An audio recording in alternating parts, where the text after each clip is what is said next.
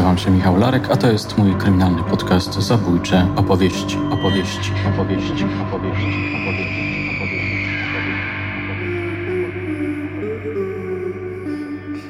Psychoterapia diabła.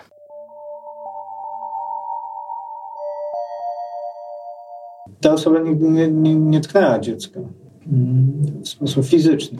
Żałowała tego. A co zrobiła w takim Znaczy to ta osoba y, miała taką właśnie twardą pornografię, też została złapana przez policję, która monitorowała. Plus, y, znaczy ściągała pornografię i ją rozpowszechniała, taką, okay. taką brutalną. Mm, też stwierdził u niej sadyzm seksualny, bo też y,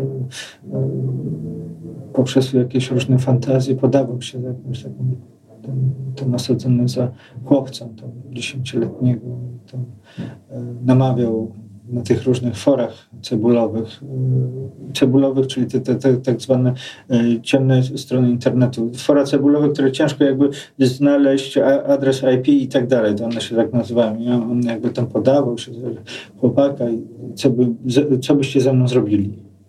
Jakby jego to strasznie to podniecało. Im brutalniej, tym lepiej.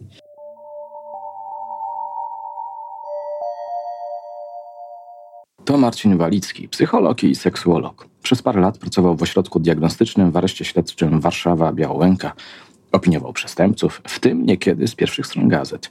Poznałem go jakieś dwa tygodnie temu jako sojusznika książki wydanej przez wydawnictwo Znak. Chodzi tu o książkę Gwen Atzhet oraz Eileen Horn zatytułowaną Diabeł, którego znasz. Książkę fascynującą i niezwykle inspirującą, którą zdefiniowałbym jako dokumentalny kryminał psychoterapeutyczny.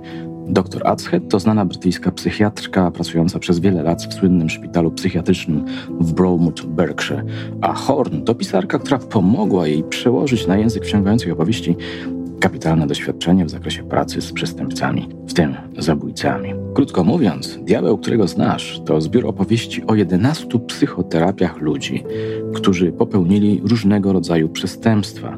Znajdziecie tu historie m.in. zabójcy, stalkerki, piromanki, pedofila. To są naprawdę opowieści, historie opowiedziane zgodnie z regułami storytellingu. Kim jest diabeł, którego znamy? Może on również oznaczać pełne okrucieństwa i pogardy ja, które tkwi w każdym z nas, piszą autorki. O tej książce można by poprowadzić roczne seminarium, ja tylko ograniczę się teraz do krótkiego cytatu. Jeden z moich kolegów przedstawił trafny opis mechanizmu występowania przemocy jako szyfru w zapięciu do roweru. Zachodzi sprzyjająca kombinacja stresorów. Pierwsze dwie cyfry mają podłoże społeczno-polityczne i dotyczą kategorii męskości, bezbronności, biedy. Mówiąc wprost, większość aktów przemocy na świecie popełniają młodzi, ubodzy mężczyźni. Kolejne dwie cyfry mogą być specyficzne dla sprawcy, np. nadużycie substancji odurzających lub różnego rodzaju trudności w dzieciństwie. Ostatnia cyfra, ta, która prowadzi do otwarcia mechanizmu i wyzwala zagrażającą otoczeniu agresję, jest najbardziej intrygująca. Zwykle miewa ona charakter idiosynkratyczny. W zachowaniu ofiary występuje coś, co ma znaczenie tylko dla samego napastnika. Może to być zwykły gest, określone wyrażenie, nawet uśmiech. Dr Atzhead dodaje, że sens jej pracy polega na znalezieniu tego znaczenia i rozszyfrowaniu go. I poszczególne rozdziały opowiadają o tym procesie, w czasie którego dochodzi do zwrotów akcji, a niekiedy nawet do plot twistów. Moje drogie, moi drodzy, posłuchajcie rozmowy z Marcinem Walickim o diable, którego znamy.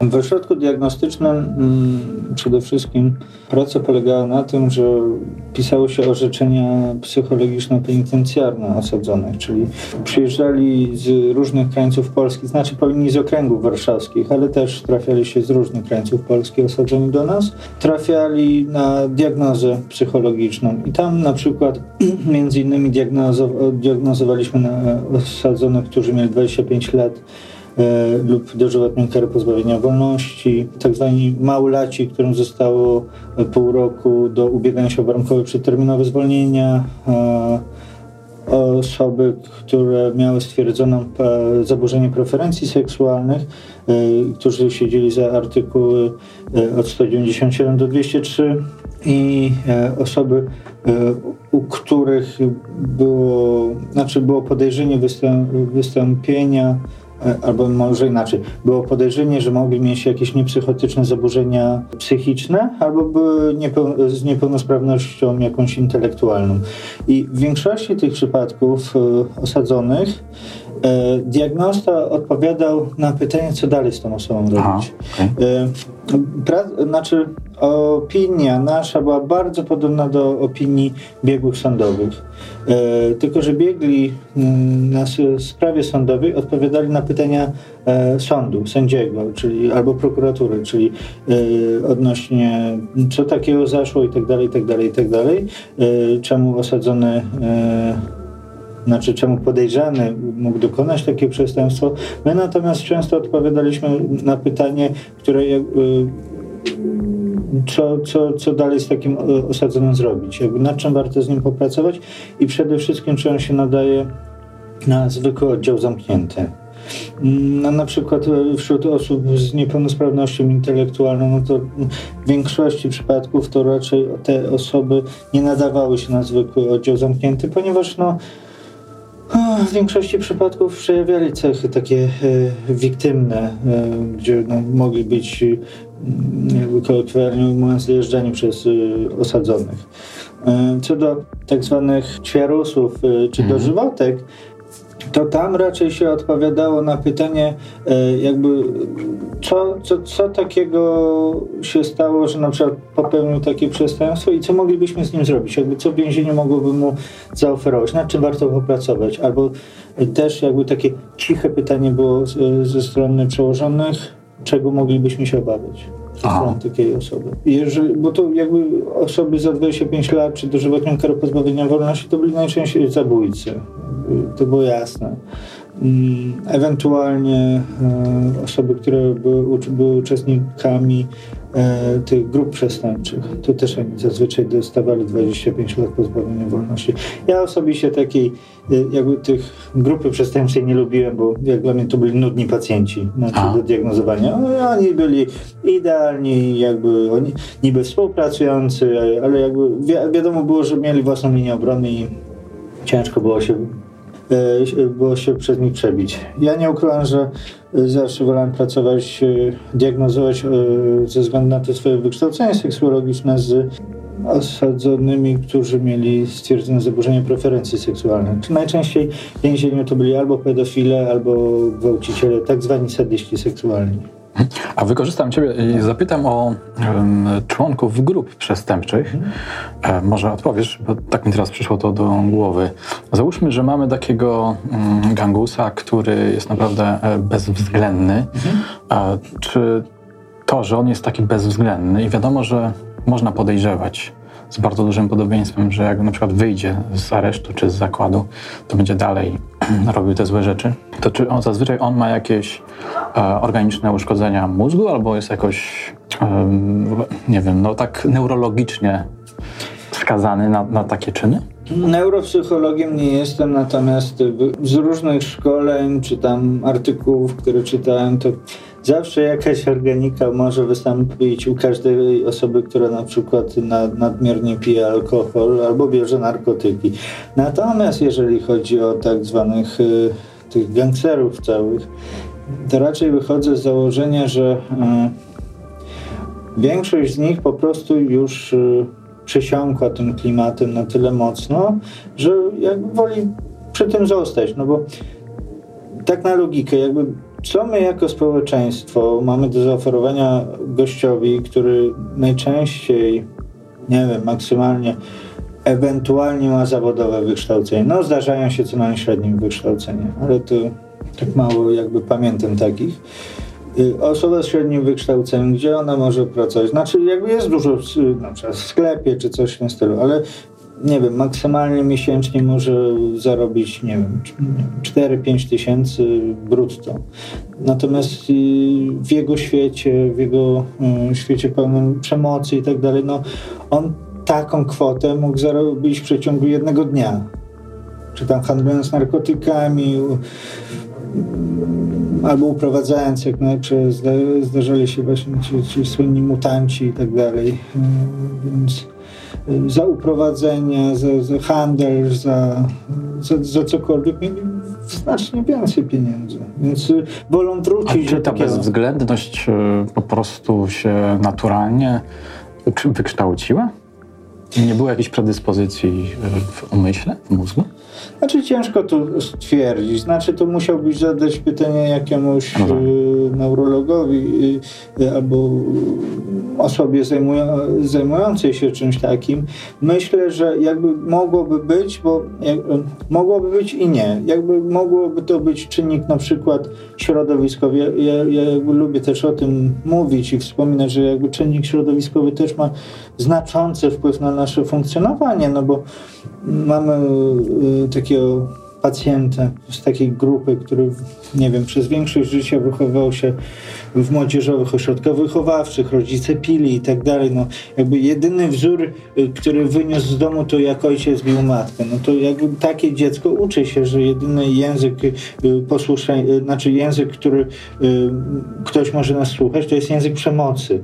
No i wtedy osoba, która no, nie wiem, miała pecha i nie, jak to się, jak to się mówi, nie miała tak, tak zwanych takich dobrych obiektów, się w psychodynamice nazywa, czyli takich dobrych osób w swoim, swojej drodze, które mogłyby jakby zmienić mu obraz na przykład dorosłej osoby albo w ogóle jakiejś innej osoby.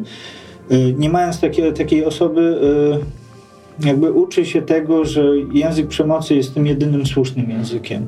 Oczywiście to też jakby może być coś ze strukturami w mózgu, że na przykład, no nie wiem, uległ wypadkowi samochodowemu jakby, i nie wiem, miał jakieś uszkodzenia mózgu. Yy, na przykład, yy, no nie jestem neuropsychologiem, więc ale o ile pamiętam, to uszkodzenie e, płata czołowego też między innymi e, powoduje zmiany charakterologiczne, że na przykład z osoby spokojnej możemy stać się osobami agresywnymi. Zatracić empatię. Na, na przykład, albo na, załóżmy y, też y, y, nauka zna takie przypadki jak padaczka skroniowa, które niektóre osoby przy padaczce skroniowej robią coś, czego później nie pamiętają.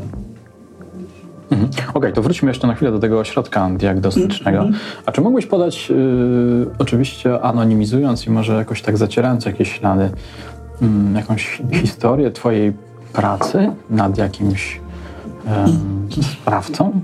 Nieraz wracam do tego i też jak ludzie się mnie pytają, pierwszy mój taki przypadek w ośrodku diagnostycznym, który pamiętam był osadzony, któremu stwierdzono właśnie zaburzenie preferencji seksualnych pod postacią pedofilii. E, pacjent był też osobą niepełnosprawną intelektualnie w stopniu e, lekkim, lekkim prawie podumiarkowanym.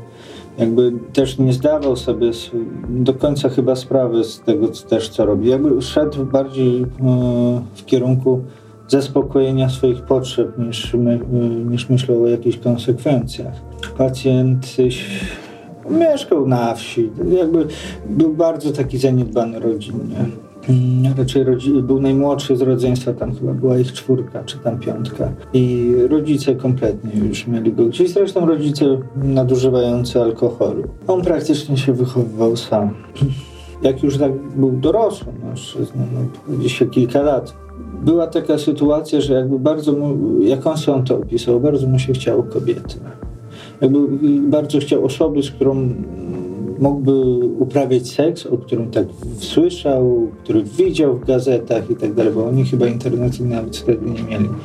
Ale widział w gazetach, ktoś mu, mu o czymś mówił, no on zawsze był odpychany przez, przez y, różne osoby. No, y, poszedł za dziewczynkami, Widział je gdzieś tam daleko, które szły w kierunku lasu i poszedł za nim. W samym środku lasu, jakby też nie wiem po co te dziewczynki tam szły, ale on tak za nimi szedł i w samym środku lasu on do nich y, dobiegł, złapał i zrobił y, i y, on miał nóż nie pamiętam, jak się ten noże nazwałem, bo to on też lubił zbierać grzyby. To ten taki zakrzywiony nóż taki, A, okay. do ucinania grzybów. I wbił ten nóż jednej dziewczynce w brzuch, a drugiej kazał y, zrobić sobie dobrze ręką.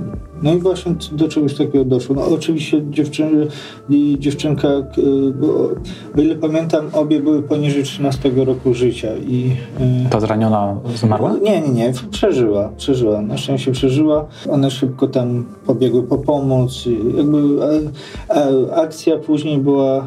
Mm, szybko jakby rozwiązana i tak dalej, no bo y, ten mężczyzna był znany na wsi, na wsi i tak dalej, że to według ludzi mieszkających tam jakby mówili, miał, miał taki e, taki pogłos, że jest dziwny i tak dalej, więc jakby wszyscy... Szybko go wytypowano Szybko go wytypowano, tak, on też jakby się do wszystkiego przyznał.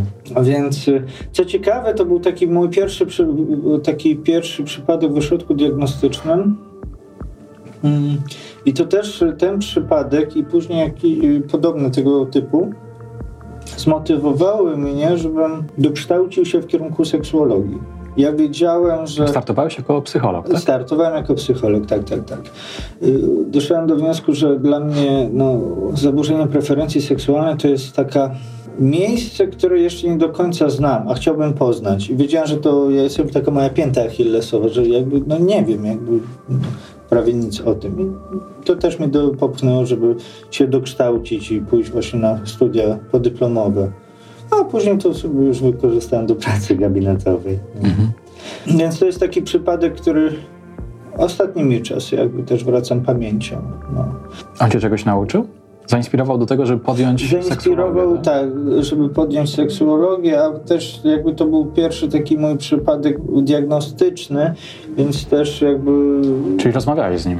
Tak, tak. Jakby w, w, w, jak się diagnozuje, to trzeba rozmawiać z pacjentem.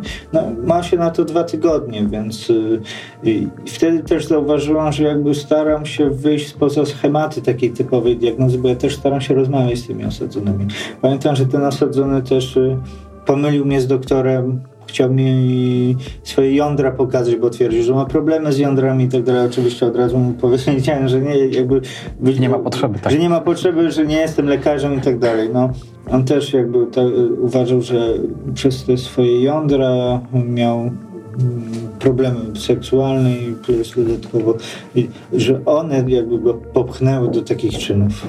Jądra. Jądra, tak. Ciekawe. Problemy z jądrami. No. Okay. A jak właśnie wyglądały rozmowy z nim? z tym pacjentem. Mhm. No to była osoba z e, niepełnosprawnością intelektualną, mm, więc jakby też mm, ja też mam doświadczenia w pracy z takimi osobami, bo w warunkach, jakby to powiedzieć, wolnościowych pracowałem e, w jednym z warszawskich stowarzyszeń, Stowarzyszenie Otwarte Drzwi, które, e, które pracuje z osobami z niepełnosprawnością intelektualną. Ja tam jakby miałem do czynienia z takimi z tego typu grupą e, pacjentów, beneficjentów, więc wiedziałem, że jakby też, mu, że też muszę swój język dostosować do tego, jak, e, żeby mnie zrozumiał. oczywiście niepełnosprawność le, intelektualna leka no to jest no to taka osoba jakby wysoko funkcjonuje, natomiast też no, trzeba pamiętać, że nie wszystko może zrozumieć. Mhm. Żeby też nie mówić do niej takim y, kwiecistym, poetyckim. Teraz mówisz tak jak moi znajomi policjanci, którzy często opowiadali mi, że w, bardzo ważne w ich robocie, na przykład podczas przesłuchania procesowego, mm, dopasować język. Mhm. Że właśnie prostym człowiekiem nie mówić językiem literackim, tylko nawet używać potocznych bądź e, niecenzuralnych słów, bo wtedy można do niego dotrzeć. Znaczy, niecenzuralnych nie To ty nie jesteś policjantem, no tak, tak, tak, tak. To, to, trochę inna robota. Ale chodzi o dopasowanie języka. No tak, dopasowanie języka to jest jakby najważniejsze. No jakby też wracając do niecenzuralnych słów, myślę, że to jest, y, niebe, byłoby niebezpieczne pod tym kątem, że to jednak była diagnoza i osoba, która by usłyszała ode mnie kwieciste przekleństwa, szybko by się zamknęła na tak, tak, jakąkolwiek rozmowę i kompletnie by to uniemożliwiło dalszą pracę. No, ale tak. Jak się zakończyła ta to, działanie z nim? Znaczy o, y, osoba, która ma stwierdzone zaburzenie preferencji seksualnej pod, y, y, na przykład pod postacią pedofilii, czy tam sadyzmu seksualnego, praktycznie obligatoryjnie już musi trafić do oddziału terapeutycznego. Jest ich kilka w Polsce, gdzie się specjalizują właśnie w przestępcach seksualnych i tam mm, powinna taka osoba zostać wysłana. Jeżeli nie wyraży na to zgody, no to wtedy e, pisze się do sądu penitencjarnego, żeby bez zgody pacjenta wysłać go na taki oddział. I tam na takim oddziale osadzony siedzi z innymi przestępcami seksualnymi, najczęściej mają terapię grupową, e, e, głównie opartą na terapii poznawczo-behawioralnej. Zresztą tutaj w książce Diabeł, którego znasz, dr Gwen Atzhead też opisuje tą samą terapię. No, mhm. Dojdziemy za no, do tego. Ale tu jakby na tej samej zasadzie y, działa, że właśnie terapia grupowa, terapia wsparciowa też jakby y, uzmysłowienie pacjentom, jak mogła się czuć ofiara, etc. Mhm. Jak w ogóle wygląda areszt śledczy okiem psychologa? Hmm. Ja pracowałem w e, e, największej jednostce penitencjarnej, na pewno w Polsce, kiedyś w Europie w środkowej, nie wiem jak teraz jest. No, odkąd areszt śledczy Białęka połączył się z zakładem karnym Białęka, no to tam oficjalnie jest tam 1700 osadzonych, ale to jest obniżona liczba, bo odkąd Moko, e, areszt śledczy Warszawa Mokotów zostały przerobione na muzeum. Kolokwialnie ujmując, powrzucali wszystkich tych osadzonych do pobliskich jednostek i poupychali, ja bym to tak nazwał, więc myślę, że te e, liczby są znacznie większe. To jest duża jednostka. Mm, i na pewno można by powiedzieć, znaczy każdy oddział się jakby różnił. Ośrodek diagnostyczny przez, cało, przez wszystkich, nawet funkcjonariuszy, było uważane za tak zwane wariatkowo, bo tam trafiali do nas naprawdę różni osadzeni i naprawdę nawet y, ci y, tak zwani gangsterzy bali się do nas przychodzić bali się, bo tam nie wiadomo, co tam był, kto tam był i tak dalej, że tam i osadzeni by, byli y, z różnymi zaburzeniami. Jakby obawiali się tego. Jednostka była duża y, i jest duża. Jeżeli się jest tam pierwszy raz, można się naprawdę tam zgubić. No. Chodzi mi też o klimat tego miejsca. Co się czuje, będąc tam, pracując, mm. chodząc korytarzami? Ciężko rzec. Znaczy, funkcjonariusze często są zostawieni samym sobie. Nie mają znikąd wsparcia. Więc jeżeli na przykład były jakieś ciężkie, ciężkie wydarzenia, jakieś, no nie wiem, napaść na funkcjonariuszy czy cokolwiek, to klimat bywał ciężki. Jeszcze te mury więzienia bardziej przytłaczały. Ta mhm. szarość tych murów, te korytarze, bo na dole z, lotu ptaka nie zobaczysz nie, zobaczysz, ale to są osadzeni w pomarańczowych, żółtych kamizelkach. To są pracownicy, to są osoby pracujące. I ich zobaczysz, jakbyś dronem przelatywał przez jednostkę yy, i zobaczyłbyś ich na zewnątrz. Natomiast wszystko, co się dzieje, te wszystkie transporty i tak dalej, są w, podziemnymi korytarzami. Aha. Między pawilonami. Osadzeni chodzą właśnie podziemnymi korytarzami. Więc co jakby ułatwia y, transport, y, y, przenoszenie do innych oddziałów, no a jednocześnie jakby zmniejsza ryzyko jakby jakichś, nie wiem, losowych wydarzeń. Jako jednostka no jest przytłaczające na pewno, bo tu, tu tam jest dużo osadzonych, bywa głośno, zależy jaki oddział. Czułeś się tam bezpiecznie? Prawie 2000 przestępców, to znaczy, robi wrażenie. To, to tak, jakby no, bo ja też, no, mówię, byłem funkcjonariuszem służby więziennej. Ja też ufałem moim kolegom. Wiedziałem, że jak coś się działo, mam wsparcie od nich. I vice versa oczywiście. Coś byś jeszcze dodał z takich ciekawostek? Mm, odnośnie samej jednostki? Funkcjonowania psychologa w takiej jednostce. Znaczy psycholog zależy od działu, w którym pełni psycholog y, rolę. ja pełniłem w dwóch miejscach tam rolę jako psycholog. Zaczynałem jako cywil w areszcie śledczym Warszawa-Służewiec, mm, jako psycholog. Tam też zostałem później przyjęty na funkcjonariusza. Funkcjonariusza działu penitencjarnego. Dział penitencjarny, czyli tak zwany psycholog pawilonowy. On się zajmuje, znaczy każdy psycholog ma przepisane swój, swój oddział. Według zarządzenia chyba dyrektora generalnego, ile pamiętam, psycholog pod sobą mógł mieć do 200 osadzonych. I było coś takiego, że no jakby na każdym oddziale tam taki psycholog pawilonowy miał za zadanie mm, kontrolę stanu psychicznego osadzonego, jak jakiś osadzony się zapisywał, to też y, żeby go przyjąć, zobaczyć co się dzieje. E, pisał opinie mm, pod kątem na przykład podejrzenia uzależnienia od jakichś substancji psychoaktywnych, pod kątem podejrzenia, że jak, jakiś osadzony ma tendencję albo jakieś myśli samobójcze, jakby jest ryzyko, że w przyszłości mógłby sobie odebrać życie. Jakby tego jest dużo. Jakby psycholog taki pawilonowy wieloma rzeczami się zajmuje. Często zdarza się, że nie ma w co ręce włożyć no bo jednak tych osadzonych sporo, też trzeba pamiętać, że jakby jeżeli na przykład inny psycholog z innego pawilonu zachoruje, no to często te, jakiś psycholog musi przyjąć po nim obowiązki, więc jest tego dużo. Plus zdarzają się zachowania autoagresywne wśród osadzonych. Ja na służebce zawsze miałem tak, jak byłem na przykład, zdarzyło się kilka razy, że byłem sam na jednostce, to co dzień, na przykład przez dwa tygodnie, jak byłem sam na, e, w jednostce penitencjarnej, to zdarzyło się, że, że co codziennie miałem jakieś, nie wiem, pocięcie czy coś w tym stylu. Połyki rzadko się obecnie zdarzają. Natomiast e, autoagresja w postaci pocięć, głodówki i tak dalej, to, to taki chleb powszedni, więc psycholog musiał też wszystko to załatwić. I, i e, chodzić, rozmawiać i w ogóle. Natomiast e, Mamy jeszcze psychologa w ośrodku diagnostycznym, to co właśnie czym się ja też później zajmowałem przez następne 5 lat. Zajmuje się podobnymi rzeczami, natomiast główną jakby jego dziedziną jest ta diagnoza psychologiczna. I też psycholog nie, ma nie chodzi po pawilonach. Jakby on się powinien zajmować samym ośrodkiem diagnostycznym. Robi to samo. Kontrolę stanu, opinię pod kątem uzależnień czy coś w tym stylu. Chociaż bardziej to zawsze się wrzucało w diagnozę psychologiczną. I też w różnej jakby różnymi rzeczami się zajmował, tylko że miał ten ośrodek diagnostyczny.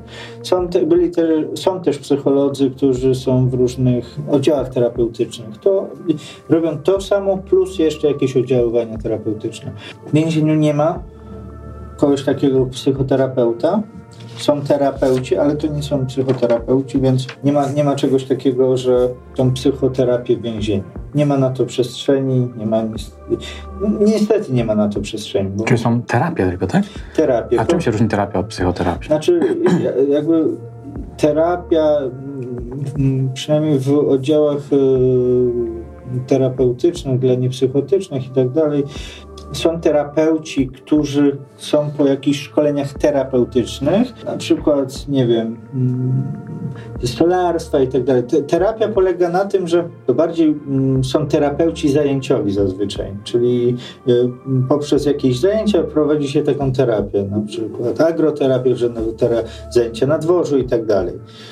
Psychoterapia to jest terapia bardziej, e, znaczy jest psychoterapia grupowa i w ogóle, ale to jest bardziej takie psychoterapeutyczne, psychologiczne, e, rozmawia takie... o, proble o, problemach, jakby to, my tak powiedzmy kolokwialnie mówiąc, jakby rozmawiamy o problemach, zajmujemy się tymi problemami. Psychoterapeuta face to face zależy od nurtu. E, i od teorii, które ma, no jakby pracuje na problemie z pacjentem. E, w terapii grupowej e, pracuje się na problemach pacjentów plus na tej dynamice grupowej.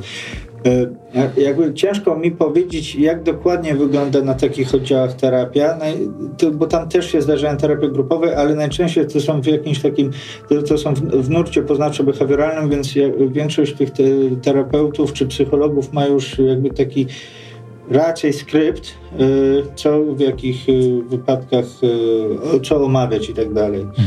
Jak rozmawiałem z zabójcami w zakładach karnych w Łupkowie i Moszczańcu, no to miałem do czynienia z chyba jednym albo dwoma przypadkami skazanych, którzy brali udział w terapiach. Utkwił mi w pamięci jeden, taki facet po 50, może nawet już zbliżający się, się do 60, e, który brał udział w różnych terapiach, także alkoholowych. On nawet mm, brał udział w terapii prowadzonej przez tę panią z Rzeszowa, która została zamordowana w trakcie spotkania z mm, chyba podejrzanym wtedy jeszcze. I on zrobił na mnie ciekawe wrażenie, bo z jednej strony no, świetnie się z nim rozmawiało, świetnie opowiadał, trochę kluczył opowiadając o swoim e, czynie, mhm. Ale też wyrażał zdanie, że psychoterapia, psychoterapia czy terapia, już teraz właśnie nie pamiętam, to jest coś poważnego, potrzebnego i wydawał się osobą, która bardzo skorzystała z tego rodzaju terapii. Terapia e, dla osób uzależnionych e, od alkoholu czy e, od narkotyków właśnie prowadzona jest przez terapeutów, którzy przeszli szkolenie właśnie terapeutyczne dla uzależnionych. To jest jeszcze jakiś inny rodzaj terapii. Natomiast w więzieniach też prowadzi się programy readaptacyjne, między innymi na przykład przeciwdziałanie agresji. To są najczęściej jakby kończą takie programy readaptacyjne psycholodzy czy wychowawcy. Tam prowadzą na nie 3-4 spotkania właśnie no, o czymś takim. Więc y, Psychoterapia, myślę, że nie wiem, je, je, jeśli chodzi o tego o, osadzonego, o którym mówiłeś, natomiast wydaje mi się, że mogłaby, znaczy, że na, przydałaby się w więzieniu. Jakby tera- psychoterapia zawsze jest bardziej taką terapią wglądową w jakieś problemy. To taka poważniejsza niż terapia, tak? Że tak wchodzimy w psychikę mocniej, znaczy, głębiej? Nie chcę powiedzieć, że nie chcę umniejszać terapii znaczenia, no bo, natomiast y, rzeczywiście w psychoterapii jakby się koncentrujemy, jesteśmy teraz my i pacjent i jakby nic innego nie powinno nam y, przeszkadzać, y, co jakby w więzieniu obecnie jest to bardzo ciężkie. Na, na 50 minut wziąć osadzonego, żeby siedział w, w, w, gabinecie. Coś takiego by się przydało przede wszystkim jako właśnie praca nad tym, czy nad osobą, nad autorefleksją pacjenta. No bo, bo często się zdarza, na przykład w, w diagnostyce, diagnozowałem osadzonych, że oni jakby też jakąś taką refleksję niektórzy popadali, w, jeżeli chodzi o swoją, swoje przestępstwo, które popełnili, ale jak, mieliśmy za mało czasu, za mało przestrzeni, żeby jakby to dalej pociągnąć. Natomiast e, w psychoterapii, no, no właśnie, czemu nie ma też przestrzeni, bo niektóre terapie mogą trwać rok, na przykład spotkania raz w tygodniu przez rok czasu, a tu też nie ma co ukrywać, no, e, więzienia są przepełnione często, zdarzają się transporty i w ogóle, więc osadzonych do innych jednostek, więc no, ciężko byłoby tak utrzymać na terapię jednego osadzonego przez ponad rok czasu. Mhm. Chociaż w tych ośrodkach terapeutycznych jakby osadzeni potrafią siedzieć do, nie licząc dla osób uzależnionych, ale dla osób z niepsychotycznymi zaburzeniami psychicznymi potrafią siedzieć do samego końca. Nie jestem pewien, czy byłaby też tam przestrzeń na jakąś taką stricte psychoterapię.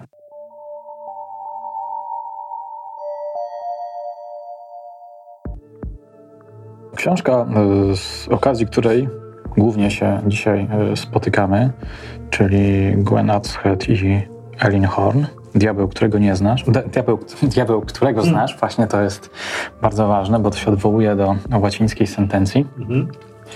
W sumie jest według mnie no, pasjonującą opowieścią, ale to jest opowieść, która ma cel przekonać ludzi, tak, tak zwanych przeciętnych zjadaczy chleba, że przestępcy, nawet ci, którzy dokonali bardzo ciężkich e, przestępstw czy zbrodni, nie są tylko i wyłącznie bestiami, potworami, ale są e, ludźmi, których należy otoczyć pewną opieką, na przykład po to, żeby oni zrozumieli swoje czyny, żeby zetknęli się z tymi swoimi czynami, żeby stawili im e, czoła.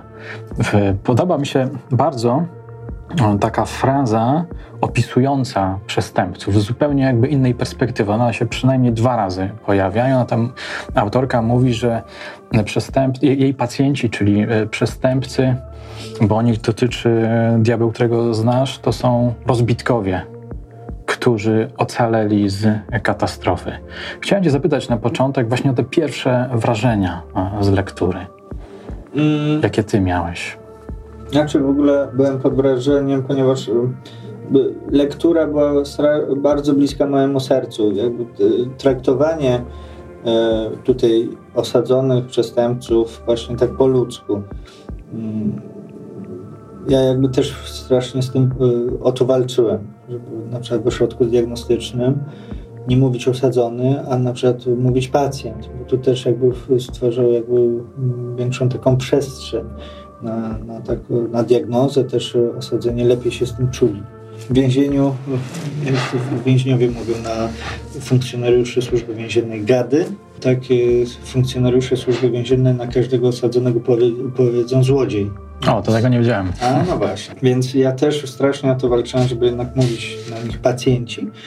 E, bo to też e, jakby dawało im poczucie, że e, jakby na, na taki otwartość na jakiś taką, taki dialog, taką rozmowę, bo wiedzą, że tutaj będą inaczej traktowani, z większym szacunkiem. Przynajmniej taką miałem nadzieję.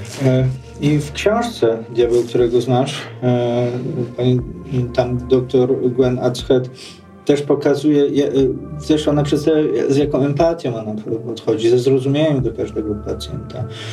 Pomimo y, przestępstwa, jakie ta osoba popełniła. To nie jest oczywiście łatwe, bo jakby na przykład y, w więzieniu w polskim psycholog y, często też ma akta osobopoznawczej, ma do czynienia na przykład y, nie wiem, z osobą, która zabiła dziecko, czy, czy zgwałciła dziecko i czytając to jakby nie każdy ma łatwość, albo może inaczej. Ludzie zawsze jest ryzyko, że popatrzą właśnie na takiego osadzonego pod kątem popełnionego przestępstwa, a nie na, jak, na, jak na drugą osobę. Ja wychodzę z takiego założenia, że jeżeli wybrałeś, ja wybrałem zawód psychologa, no to trzeba każdemu przynajmniej postarać się dać drugą szansę. Tutaj właśnie autorka książki to robiła, starała się do każdego podejść ze zrozumieniem. Poprzez psychoterapię mm, starała się jakby dany osadzony padł w taką autoanalizę, taką refleksję na, na temat y, dotyczący właśnie swoich, y, y, swoich problemów, dotyczących przestępstwa, którego popełnił. Bo y, to jest też tak, że osadzeni znaczy osadzeni, osoby, które popełniają przestępstwa, uruchamiają często też mechanizmy obronne. Jakby to jest zrozumiałe na przykład zabójcy. Mają też tendencję na przykład do demonizowania, uprzedmiotowienia swoich ofiar tylko po to, żeby e, wyłączyć się od tej odpowiedzialności, że zabili drugą osobę. Znaczy oczywiście nam pewno zdarzyli się, są psychopaci, którym to wszystko jedno, ale powiem szczerze, że takich książkowych psychopatów, o których czytałem i w ogóle, ja może w całej mojej karierze trzech takich, czterech ewentualnie spotkałem, mhm. którzy rzeczywiście mieli gdzieś, żeby kogoś zabili. Natomiast y, reszta uruchamiała takie mechanizmy obronne po to, aby właśnie nie uzmysłowić sobie powagi czynu, który popełnili, że odebrali komuś życie. W książce akurat tutaj na przykład y, autorka y, przedstawia właśnie taki przypadek Markusa, y, biznesmena, który udusił y, prostytutkę, a co ja mówię, jaką prostytutkę? Kochankę byłą.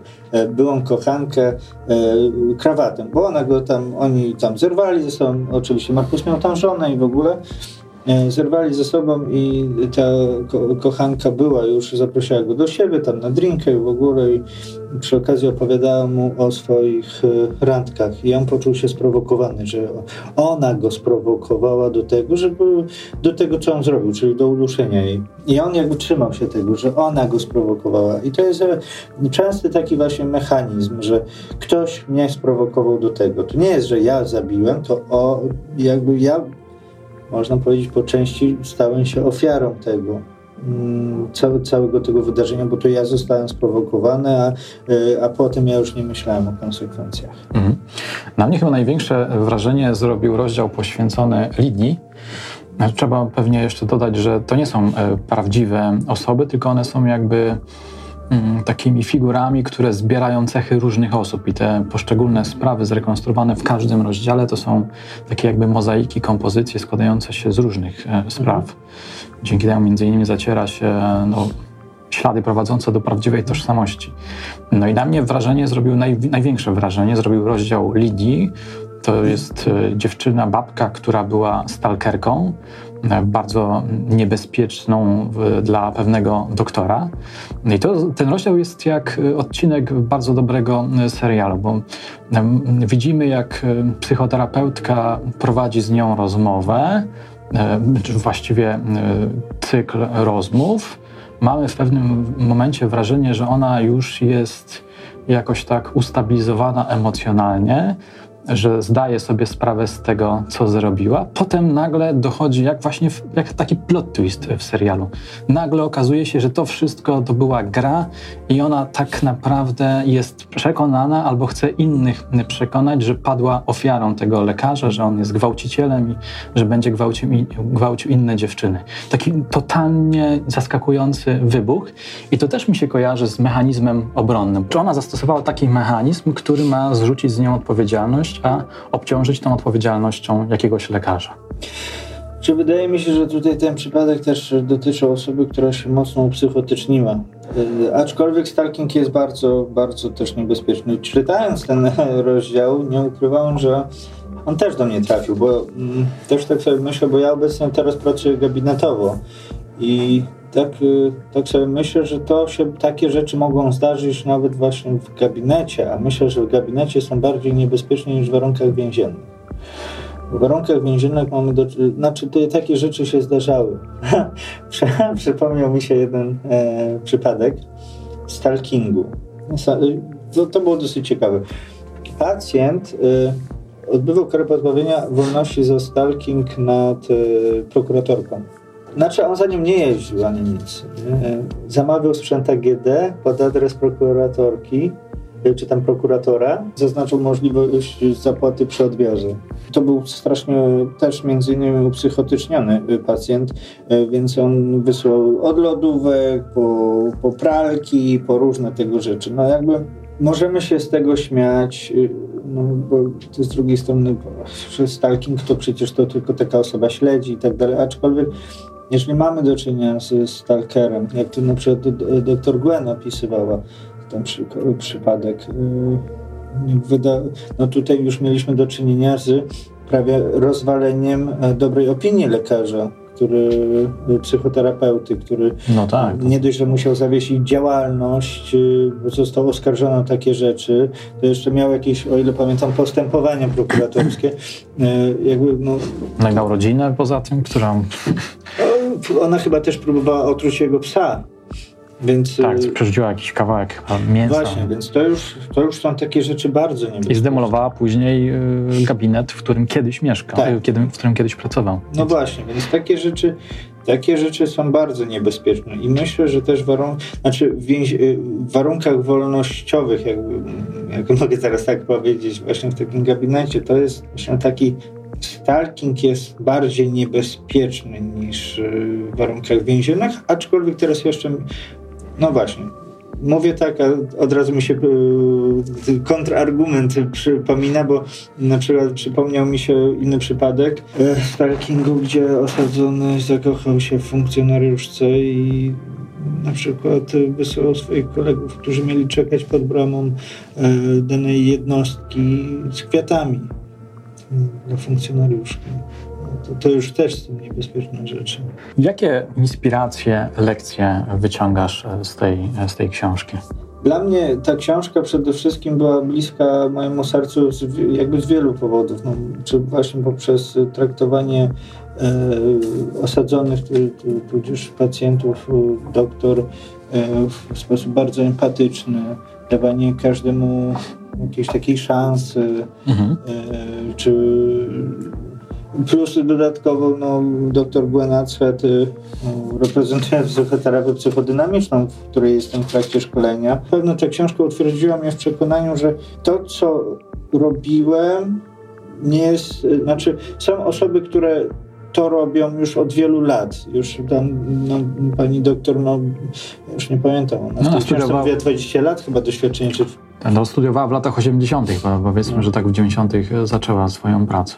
No właśnie, no to tam, no, co 30 lat doświadczenia. I to jest właśnie rzecz niesamowita, że pomimo jakby jakby, przynajmniej w książce nic nie wskazuje na to, że jakby pomimo tak długiego doświadczenia coś miałoby się zmienić, że ona na przykład by że wątpiła w, w, w, w tych osadzonych, bo jakby spotykałem się z takimi sytuacjami, że e, jak już po raz kolejny, już ileś tam lat z rzędu się pracuje z takimi osobami, cały czas ma się do czynienia z taką, z takim, jakby to powiedzieć, takim złem, no, tym ludzkim złem, no bo więzienie to jest taki jądro ciemności. No, są osoby, które po wielu latach przebywania z takimi osobami wątpią w drugiego człowieka.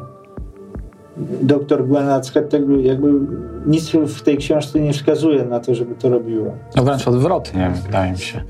Dla mnie ta książka jest też o tyle ciekawa i może nawet ważna, że jako podcaster mogę obserwować reakcje przede wszystkim słowne e, ludzi, którzy słuchają podcastów o prawdziwych zbrodniach i jak reagują.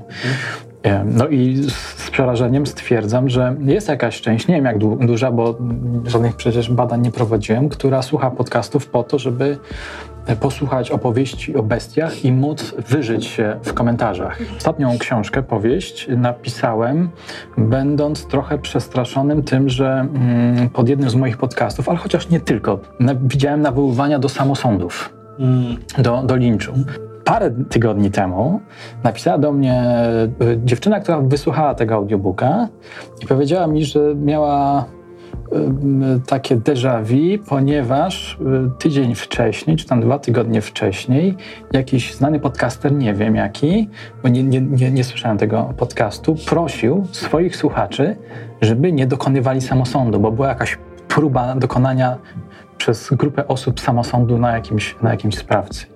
Już tak sobie pomyślałem, że jako podcaster masz bardzo też odpowiedzialną pracę, bo to też trzeba uważać, żeby właśnie też między innymi nie podawać jakichś e,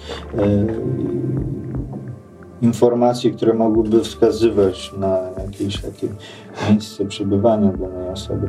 Znaczy internet zapewnia nam anonimowość. No, chyba już, nie. już nie do końca. Ostatnimi czasy, jak co, wychodziły te różne rozporządzenia, to wychodzi, że nie. Ale jakby y, bardziej mi chodzi o to, że ludzie myślą, że są anonimowi, stąd właśnie to łatwość te nawoływania do samosądów.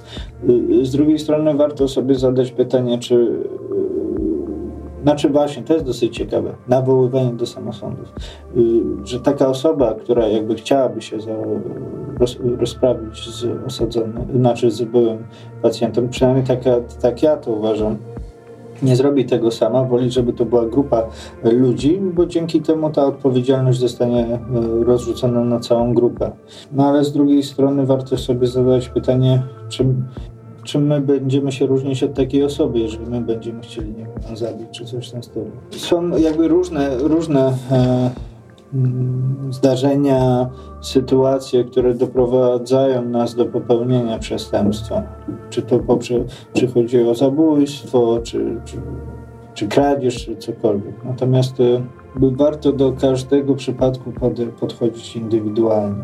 Ja wychodzę też z takiego założenia, zresztą w książce też to jest jakby pokazane, że jest zawsze jakaś taka możliwość, że dana osoba, nawet ci zabójcy, mogą przy, na przykład no, tutaj w książce jest opisane przy, na przykład przy psychoterapii wpaść w jakąś autorefleksję, żeby się zastanowili nad swoim czynem. Tak jak już mówiliśmy, no, są różne mechanizmy obronne, które jakby tam ich chronią przed tym, żeby zdać sobie sprawę, co zrobili, ale myślę, że przy odpowiedniej psychoterapii osoba y, mogłaby y, może z jakimś zrozumieniem mogłaby podejść właśnie do swojego jakiegoś takiego problemu, dzięki czemu przy jakiejś takiej odpowiedniej autorefleksji mogłaby chcieć zmienić yy, swoje, swój los, swoje zachowanie. Noż jeszcze jakoś w przyszłości przysporzyć się społeczeństwu. Dla mnie to rozumienie, y, próba zrozumienia, dlaczego ktoś popełnił zabójstwo czy jakieś inne przestępstwo, no jest bardzo y, ciekawym, wręcz fascynującym hasłem. Pamiętam, że moją uwagę zwrócił podobny właśnie motyw, kiedy oglądałem Mindhuntera. Mhm. Mówię o serialu Netflixa. Mhm. Bo tam y, to, to, jest też właściwie opowieść o tym, jak pewne mm, pomysły naukowe spotykają się z ostracyzmem, no tam był taki pomysł naukowy, żeby zacząć rozmawiać z seryjnymi zabójcami. I pojawił się potężny opór, także ze strony zwierzchników. No bo jak to? Rozmawiać e, z, z potworami, ich trzeba po prostu skazać, a potem zabić. Mhm. I, i, to, I koniec. A ci chcieli zrozumieć po to, żeby na przykład opracować jakieś y, techniki prewencji, sposoby e, prewencji chociażby. Już nie mówiąc o tym, że to jest jakaś ważna, że to jest ważna misja naukowa, sprawdzić jak y, funkcjonuje umysł na przykład seryjnego, seryjnego zabójcy.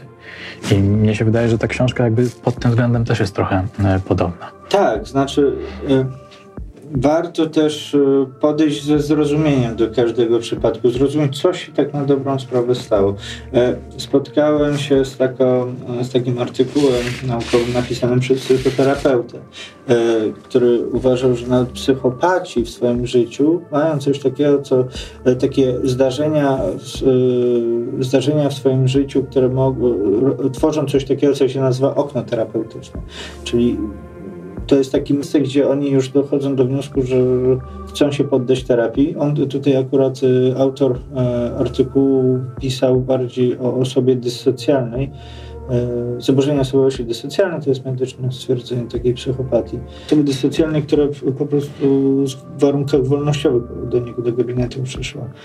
To była osoba, która już y, doszła do wniosku, że potrzebuje psychoterapii. Jakby te wszystkie te mechanizmy i tak dalej poupadały u niej i doszedł do wniosku, że nie jest w stanie sam sobie ze sobą poradzić. Aha. I właśnie w takich sytuacjach, i nawet i właśnie ten artykuł też pokazuje, że nawet e, ci zatwardziali psychopaci mogą mieć taki moment w życiu, gdzie no, ta psychoterapia by, mogłaby im pomóc.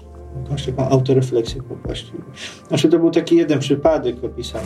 Tutaj tu każdego trzeba byłoby indywidualnie podejść. Mhm. Natomiast myślę, że, że warto jednak starać się Najpierw zobaczyć, zrozumieć, a dopiero później ocenić. Tak, Jana jeszcze mówi tak. Ja może przeczytam większy fragment tego cytatu o pacjentach, przestępcach jako ludziach ocalałych z katastrofy. Tam jest napisane coś takiego. Ocalałych z katastrofy, którą sami spowodowali, ja zaś i moi koledzy jesteśmy pierwszymi przybyłymi na jej miejsce ratownikami. Spotykam ich w punkcie zwrotnym ich i pomagam im pogodzić się z nową tożsamością, na którą wydają się już na zawsze skazani. Wydaje mi się, że to jest e, bardzo wymowne. Że tutaj jakby pokazane jest to, że sprawca przestępstwa, w tym zabójstwa, mm, e, dochodzi do jakiegoś ważnego punktu, punktu zwrotnego. Większość z nas ocenia to jako koniec już.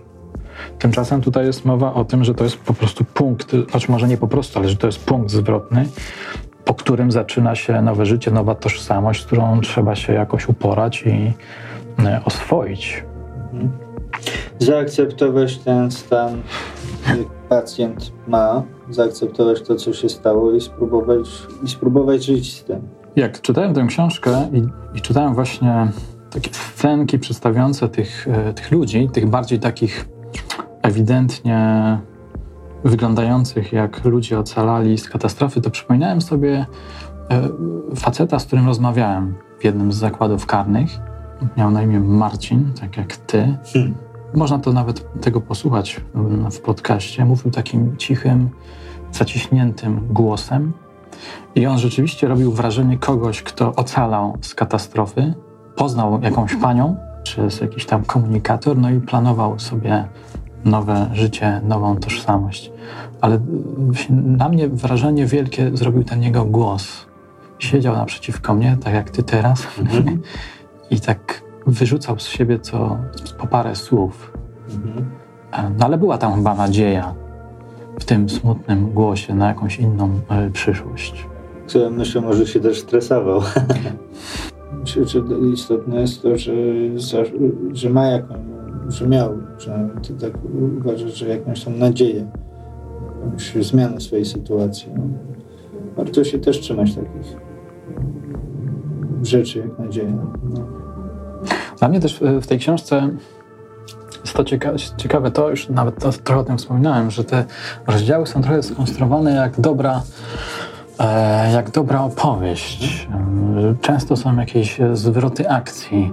Na przykład chyba jeden z ostatnich rozdziałów o tym facecie Davidzie. Pamiętasz to ostatni chyba rozdział? David, y, lekarz, który przechodzi na emeryturę, porzuciła go żona. Ona go pokazuje jako kogoś, kto jest taki pyszałkowaty, narcystyczny, e, ma żal do swoich dzieci, do właśnie żony, że go porzuciła. No i ona daje mu się wygadać, on jest trochę kapryśny, um, nie, za, nie za dużo chce mówić i nagle gdzieś tam jakieś drgnienie i po chwili, po jakimś czasie okazuje się, że to był ktoś, kto zanurzył się w czeluściach internetu, konsumując najbardziej um, brutalną pornografię, także e, dziecięcą. Mhm.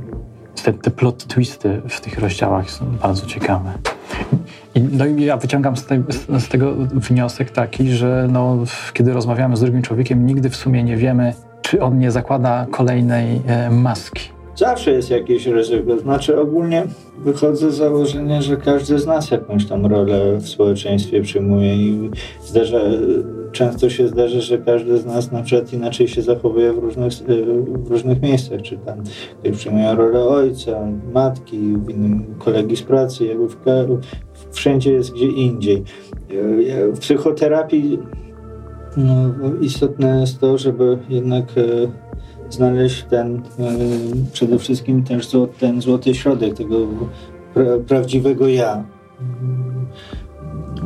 Też jakby zdarza się, że psychoterapia ktoś E, czy to, czy to może być osadzone jak w książce, czy ktokolwiek z nas e, jakby przychodzi z konkretnym problemem, a na przykład w, w psychoterapii psychodynamicznej jest też takie założenie, że to między innymi, że to, co nasza przeszłość mogła, mogła mieć wpływ na naszą teraźniejszość, więc nagle może się okazać, że nie, ten główny problem mógł być tak. efektem czegoś innego. To tak jak e, w tej książce tam właśnie było opisane, że ja już nie pamiętam, że ten, e, ten pacjent przyszedł do dr Gwen z jakąś, e, z czymś innym, i później to się między innymi okazało, było, że właśnie tam głębiej, głębiej, głębiej, że ten, ten prawdziwy problem gdzieś indziej jest. No. Mhm. Ale jednak przyszedł na psychoterapię zupełnie z czym innym. I to też takie rzeczy się zdarzają. Myślę, że myślę, że każdy z nas jakby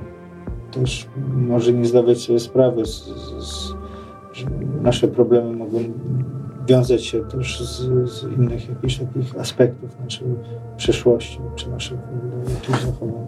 Ona tam podkreśla parę razy, że bardzo interesowało ją, jak relacje z rodzicami wpływają na ich późniejsze, na późniejsze życie ludzi, nas wszystkich. Mhm. To był dla niej taki klucz. Mhm. Znaczy tak, jakby y, nasze relacje z rodzicami, środowisko, w którym się wychowywaliśmy, ma bardzo istotne, istotne znaczenie. Czy, no, ale to też jakby to nie musi być. Kiedyś jeden dziennikarz mi zadał pytanie, no dobra, ale przykład nie każdy przestępca, załóżmy, pochodzi z rodziny rozbitej, czy tam o wykazującej cechy wskazujące na patologię społeczną. Niektórzy pochodzą z dobrych domów. No właśnie jakby też, jak to nieraz zaznaczałem, na każdy przypadek warto popatrzeć indywidualnie Pytanie brzmi, czy ten dobry dom, e, ok, jakby materialnie spełniał wszystkie, e, nie wiem, to powiedzieć, wymagania, czy coś w tym stylu, jakby takiemu dziecku nic nie brakowało, a nie licząc na przykład tego, że brakowało mu powiedzmy rodziców, którzy bardziej zajmowali się pracą, e, wychowywały go, nie wiem, opiekunki czy coś w tym stylu, albo nawet nie wychowywały opiekunki i takich dzieciak zostało samemu sobie. Więc warto przypatrzyć się każdemu przypadkowi e, oddzielnie, ale jakby też no, ja tutaj też się zgodzę z tym, że no jednak mm, nasze czynniki środowiskowe mają duży wpływ na to, mhm. kim się później stajemy. Tak, tylko hmm, oczywiście każdy z nas ma jakieś maski, zakłada maski, pełnimy różne role, nawet bezwiednie Natomiast tutaj mamy opowieści o ludziach, którzy są radykalnie odmienni, którzy jakby wysnuwają w pewnym, w pewnym momencie z siebie jakieś mroki. Trochę mi to przypomina na przykład takie figury e, jaźni w opowiadaniach Edgara Allana Poego, mhm. czyli takie jakieś e, zamczyska. Mhm. Powiedzmy, że mamy do czynienia z jakimś ładnym e, pałacem, wchodzimy do środka i nagle wstępujemy do piwnicy i widzimy przerażające rzeczy. Na przykład, no, e, teraz jak tak myślę sobie, to ten rozdział o Davidzie e, jest dla mnie wstrząsający. Bo początkowo mamy do czynienia z osobą, która no, jest mówiąc popularnie, palantem. I ona prowadząca psychoterapię ma go dość. Ta jego katastrofa rodzinna zaczęła się od tego, że żona przyłapała go na oglądaniu hardkorowego porno. Mhm. A, I on jej powiedział, David powiedział psychoterapeutce, że to było przypadkowe. I to, było, to, jest, to była dla mnie bardzo ciekawa scenka i wtedy e, e, Achet pisze, że dla niej dla Junga dla psychiatrów, jak ktoś mówi, że coś jest przypadkowe, no to to jest sygnał do tego, żeby nas nadstawić uszy, żeby wzmóc y, czujność. Mhm. Być może właśnie nie zrobił tego przypadkowo, tylko chciał w końcu dać jakiś y, sygnał. Ta książka też trochę mnie przeraża, jak sobie o niej teraz y, z Tobą rozmawiam i sobie też w międzyczasie, w czasie naszej rozmowy myślę, że ona pokazuje, że no, psychika jest e, czymś tak zagadkowym, tak tajemniczym, mrocznym, że w sumie nigdy nie wiemy, z kim tak naprawdę rozmawiamy. No to jest, to, to jest prawda. Znaczy, mm, przymrocznym, ja bym to raczej bardziej powiedział czymś fascynującym. No, no, mrok jest fascynujący. No, oczywiście. Jasne, no, nigdy nie wiemy, z kim rozmawiamy. Czy nasz sąsiad jest sąsiadem, rzeczywiście tym mężem, ojcem i tak dalej, czy na przykład nie jest jakimś seryjnym zabójcą, albo nie wiem, który trzyma koty w piwnicy i nie wiem, i robi z nimi różne rzeczy. Natomiast y, myślę, że też jakby nie ma co też jakby obsesyjnie do tego patrzeć, no bo jednak byśmy do każdego człowieka z dużą dozą podejrzliwości podchodzili, to, to mogłoby nam zaszkodzić. Ludzka psychika uważam, że jest niesamowita, dlatego to też mnie zmotywowało do podjęcia zawodu, którym się zajmuję. No.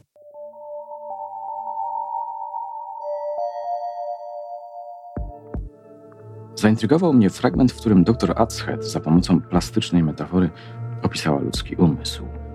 Osobiście wolę wyobrażać sobie umysł jako rafę koralową. Pradawny, tajemniczy, wielowarstwowy twór, niepozbawiony ciemnych i niebezpiecznych rejonów, lecz pełen odżywczej różnorodności. Choć może wydawać się chaotyczny, stanowi złożony, dobrze zorganizowany i nieskończenie fascynujący ekosystem, który jest niezbędny dla ludzkiego życia. Pod wpływem stresu środowiskowego wiele raw traci kolory i obumiera, lecz badania naukowe pokazują, że dobrze reagują one na rozmaite interwencje i tym samym zwiększają swoją odporność. Jako studentka szybko się przekonałam, że badania psychiatryczne wymagają niekiedy głębokiego zanurzenia się w ciemną toń, gdzie może się nam objawić zarówno niezwykłe piękno, jak i wielkie niebezpieczeństwo. Potrzeba czasu, żeby się tam zaaklimatyzować i nauczyć swobodnie oddychać. To jest fajne porównanie, bo mm, psycholog, psychoterapeuta, osoba pracująca z drugą osobą, ja bym to właśnie porównał też do takiego płetwonurka, który chce Aha. eksplorować tą rafę, patrzeć właśnie co w niej żyje, jak ona wygląda, jak ona się zmienia na przykład z biegiem lat. Tu też są jakby różne badania na temat tych raf.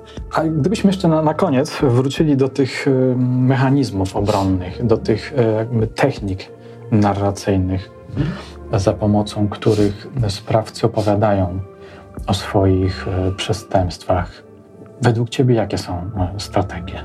Problem polega też na tym, że mm, pracując w więzieniu, będąc tym funkcjonariuszem, osadzeni też tak w niektórych przypadkach bali się cokolwiek im powiedzieć, ponieważ wychodzili z założenia, że jakby cokolwiek, że jeżeli coś powiedzą obciążającego dla nich, to oni więcej będą, dłużej będą odbywać kar pozbawienia wolności. To tak oczywiście nie działało, aczkolwiek jeżeli oczywi oczywiście osadzony by powiedział o przestępstwie, które nie było e, odnotowane i w ogóle, to no, mój obowiązek byłoby poinformować o tym odpowiednie służby. Jeżeli chodzi o popełnione przestępstwa, często się spotyka taką, taką strategię, takie myślenie, że ja zostałem wrobiony. Ja siedzę za niewinność, to nieprawda. tej, ja tej dziewczyny nie dotknąłem, ja go nie okradłem, ktoś mnie nie lubi, ktoś, e, ktoś mi źle życzy, dlatego mnie wrzucili do więzienia. Jakby e, to jest najczęstsza taka strategia. Zdarzyło mi się też pacjent, który uważał, że lepiej wie odnośnie tego, jak ta, może inaczej, wykreował sobie taką rzeczywistość, że on wie lepiej, że on jakoś niedługo wyjdzie na wolność i tak dalej, a dostał dożywotnią karę pozbawienia wolności. Ale on wie, że tam dożywotka, ja zaraz wyjdę. Dużo osób kreuje jakiś taki swój świat, który pomaga im przetrwać. To jest troszeczkę Ktoś by, po, ktoś by powiedział, że siebie po prostu oszukują. I ja uważam, że oni, po prostu, oni stworzyli coś takiego, taką swoją opokę, która ich chroni przed, y, przed rzeczywistością, dzięki czemu jakby pozwala im dalej funkcjonować w więzieniu, będąc przekonanym o, o, jakby, o tej swojej niewinności. No. Bo to jest najczęstsza, najczęststsza jakaś właśnie taka narracja.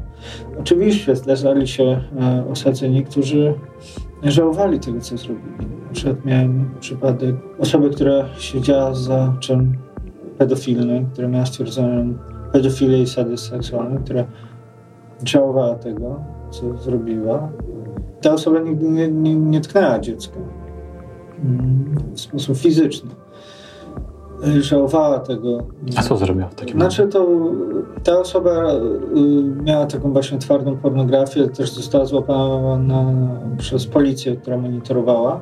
Plus, y, znaczy ściągała pornografię i ją rozpowszechniała, taką, okay. taką brutalną. Mm, też stwierdził u niej sadyzm seksualny, bo też y, poprzez jakieś różne fantazje podawał się za jakimś takim tym osadzonym za chłopcem dziesięcioletniego. E, namawiał na tych różnych forach cebulowych, e, cebulowych, czyli te, te, te tak zwane e, ciemne strony internetu. Fora cebulowe, które ciężko jakby znaleźć adres IP i tak dalej, to one się tak nazywają. I on jakby tam podawał się chłopaka co, by, co byście ze mną zrobili. Jakby jego to strasznie to podniecało. Im brutalniej, tym lepiej. Tym wypadku można powiedzieć, że no, został dobrze, że złapany, no bo też nie wiadomo, jak to by się rozwinęło. Znaczy, tu później by się zamieniło w jakiś czyn. I on dopiero trafiając, mając sprawy karne, e, w trakcie postępowania e, doszedł do wniosku, że ma rzeczywiście z tym problem. To była jedyna osoba, z miałem do czynienia, która się poddała kastracji chemicznej. W więzieniu brał właśnie leki zmniejszenie poziomu testosteronu. Czym byśmy zamknęli naszą rozmowę? No, jakimś no, morałem? Jakimś morałem. Jeżeli chodzi o przestępców wszelakiej maści, to jeżeli jest się psychologiem i w ogóle to jednak. Ale to nie tylko. Myślę, że warto też patrzeć na daną osobę pod kątem jakiejś osobowości, a nie pod kątem dokonanego przestępstwa. Warto dawać ludziom drugą szansę. Tak jak robiła to autorka książki. Mhm. Dziękuję Ci za rozmowę. Dziękuję.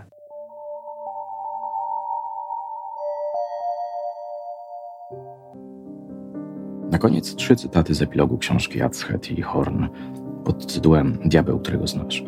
Przedstawienie powyższych opowieści o cierpieniu i przemocy miało służyć temu, że jeśli następnym razem przeczytacie wiadomość albo obejrzycie film o jakimś potworze w ludzkiej skórze, podejdziecie do sprawy z całkiem nową świadomością, wiedząc, że wszystkich o wiele więcej łączy niż dzieli. Zrozumienie naszego wspólnego człowieczeństwa o wiele skuteczniej zmienia nasz umysł niż wszelkie kary i sankcje.